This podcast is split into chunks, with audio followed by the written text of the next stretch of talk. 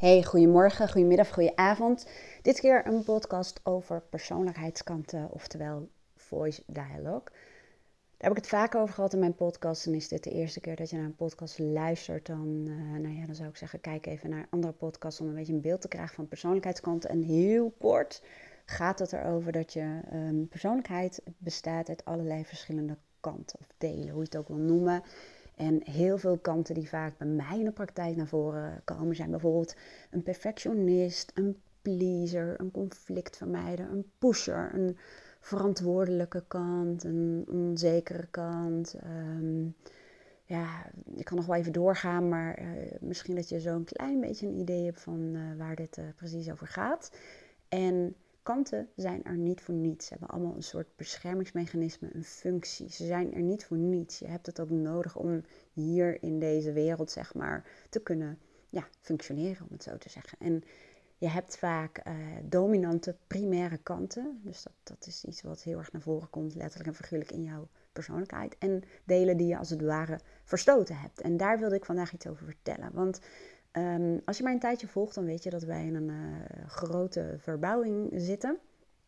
En dat um, wij uh, ervoor gekozen hebben om, uh, nou ja, in, tijdens de verbouwing zoveel mogelijk thuis te zijn. En op zich hebben we daar ook de ruimte voor.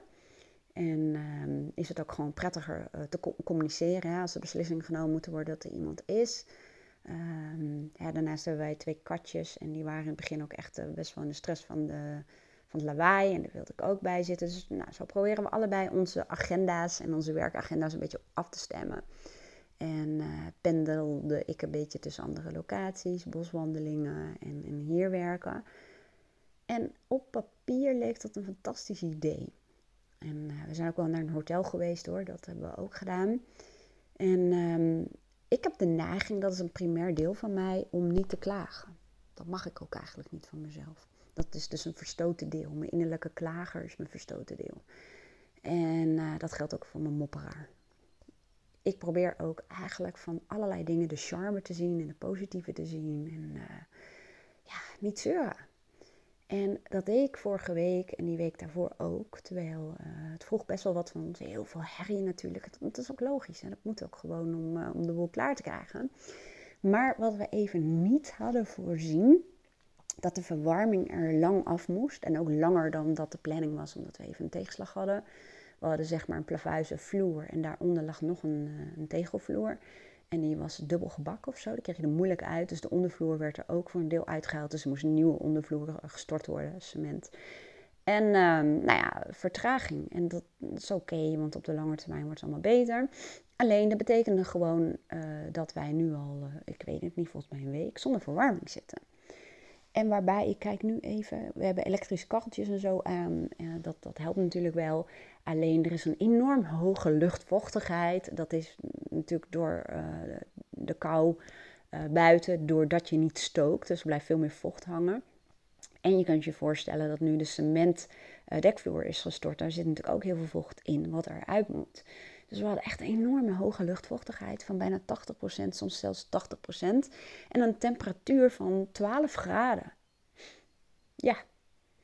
En um, gistermorgen, en ik dacht elke keer, ik maakte wel wat van, kleed me warm aan, we doen even die kacheltjes erbij en we gaan gewoon op tijd naar bed en la la la la la. En dan wil eigenlijk een primaire kant, hè, die zorgt dat ik niet ga klagen en er het beste van maak en positief ben en de leukste versie van mezelf en dat soort dingen ja, die, die schoot door. Die, probeerde, die ging eigenlijk in het bagatelliseren. Het mocht er niet meer zijn. Hè? Ik mocht niet meer, ik mocht er wel even over klagen, maar ik moest vooral ook door en, uh, en blijven lachen.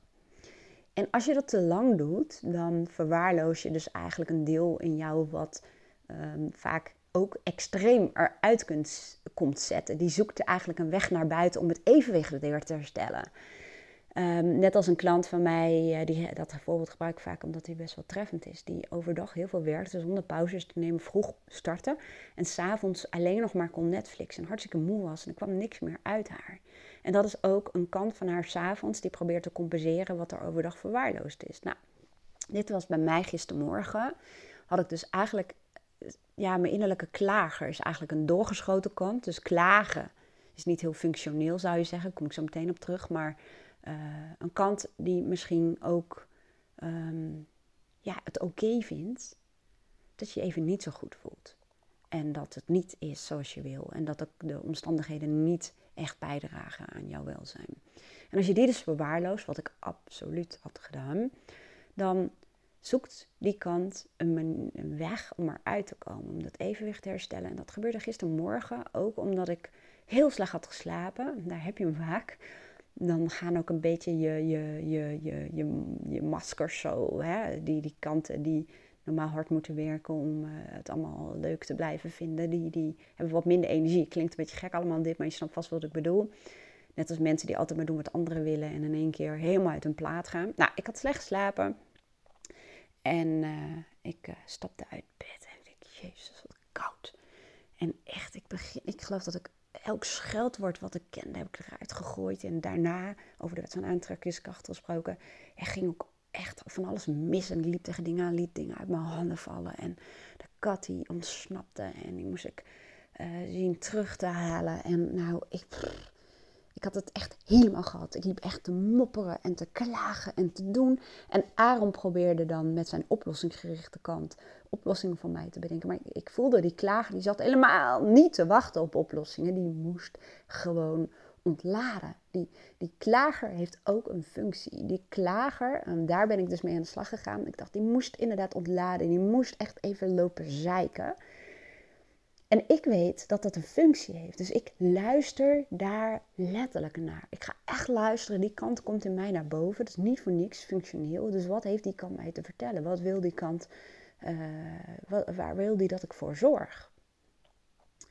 En dat ben ik uit gaan pluizen. En dat was helemaal niet moeilijk. Um, voor mij betekende dat gewoon dat ik binnen de omstandigheden die er nu zijn, de best mogelijke oplossingen zocht, waarbij een aantal dingen belangrijk uh, waren. En dat is bijvoorbeeld inderdaad de temperatuur, de luchtvochtigheid en orde. In die zin, uh, bij mij thuis noemen ze vaak mijn innerlijke autist. Ik ben heel ordelijk en netjes en opgeruimd. En uh, ik hoor wat ik zeg, ik ben. Ik ben is eigenlijk een identificatie met je primaire kant. Je kunt beter zeggen, um, ik hou ervan als dingen netjes en schoon zijn. Dat geeft me een rustig gevoel. In plaats van dat je zegt, ik ben. Want dan is de identificatie en dan zal je brein geen tijd en energie en aandacht besteden aan verandering. Want iets wat je bent kun je niet veranderen. Dus je kunt beter dat loskoppelen en zeggen, ik heb de neiging om. Nou, in elk geval er kwamen een aantal behoeften uit die zo belangrijk voor me zijn, waar ik echt voor moest zorgen. Dat was mijn klager eigenlijk aan mij aan het vertellen. Er zijn echt een aantal dingen waar je voor moet gaan zorgen. En Aaron en ik hebben dat gedaan. We hebben gewoon gekeken wat zijn de mogelijkheden, hoe gaan we dat doen. De ruimte waarin wij nu leven, hoe kunnen we die gewoon uh, nog meer opruimen en zorgen dat het lekker schoon is en uh, dat het warmer is. En um, ja, wat, wat, wat kunnen we doen? Dus zo zijn we wat oplossingen samen gaan bekijken. En ja, daardoor merk je dat eigenlijk die innerlijke klager zich weer terugtrekt. Hè? Dan, dan heeft hij eigenlijk zijn boodschap gebracht en ik heb er naar geluisterd. En dan is het oké. En dat is ook um, wat mensen vaak niet doen. Wat mensen vaak doen is het onderdrukken. Nou, dat had ik dus al gedaan, maar of voor vechten of uh, vluchten, gewoon ja, er niet naar luisteren. En dan gaat het steeds harder werken. Ja, dus dat, um, waarom vertel ik dit? Eigenlijk om je een voorbeeld te geven van hoe voice dialogue en hoe die persoonlijkheidskanten in je dagelijks leven uh, aanwezig kunnen zijn. En uh, ja, het belangrijkste wat ik je wil vertellen, ongeacht of iets fijn is of niet fijn, zo'n klager is niet fijn. Het is zeker niet de leukste versie van mezelf die ik op dat moment uh, liet zien. Hè? Dus vaak met verstoten delen, die mogen er van jou niet zijn, want je vindt er wat van. Um, maar toch, het heeft een functie. En door er naar te luisteren en door als het ware, nou klinkt het misschien heel cliché, maar die kant van jezelf te gaan omarmen. En naar te luisteren, net als een huilend, schreeuwend kind, in plaats van het af te wijzen, luister ernaar. Het is er niet voor niets, luister ernaar. Wat is de behoefte? Dan ga je gewoon merken dat, um, dat die delen je gewoon heel erg kunnen helpen om je steeds beter te voelen. Als je deze podcast waardeerde, laat even een review achter of een beoordeling. Dat zal ik heel erg leuk vinden in elk geval. En uh, tot de volgende podcast. Fijne dag. Doei doei.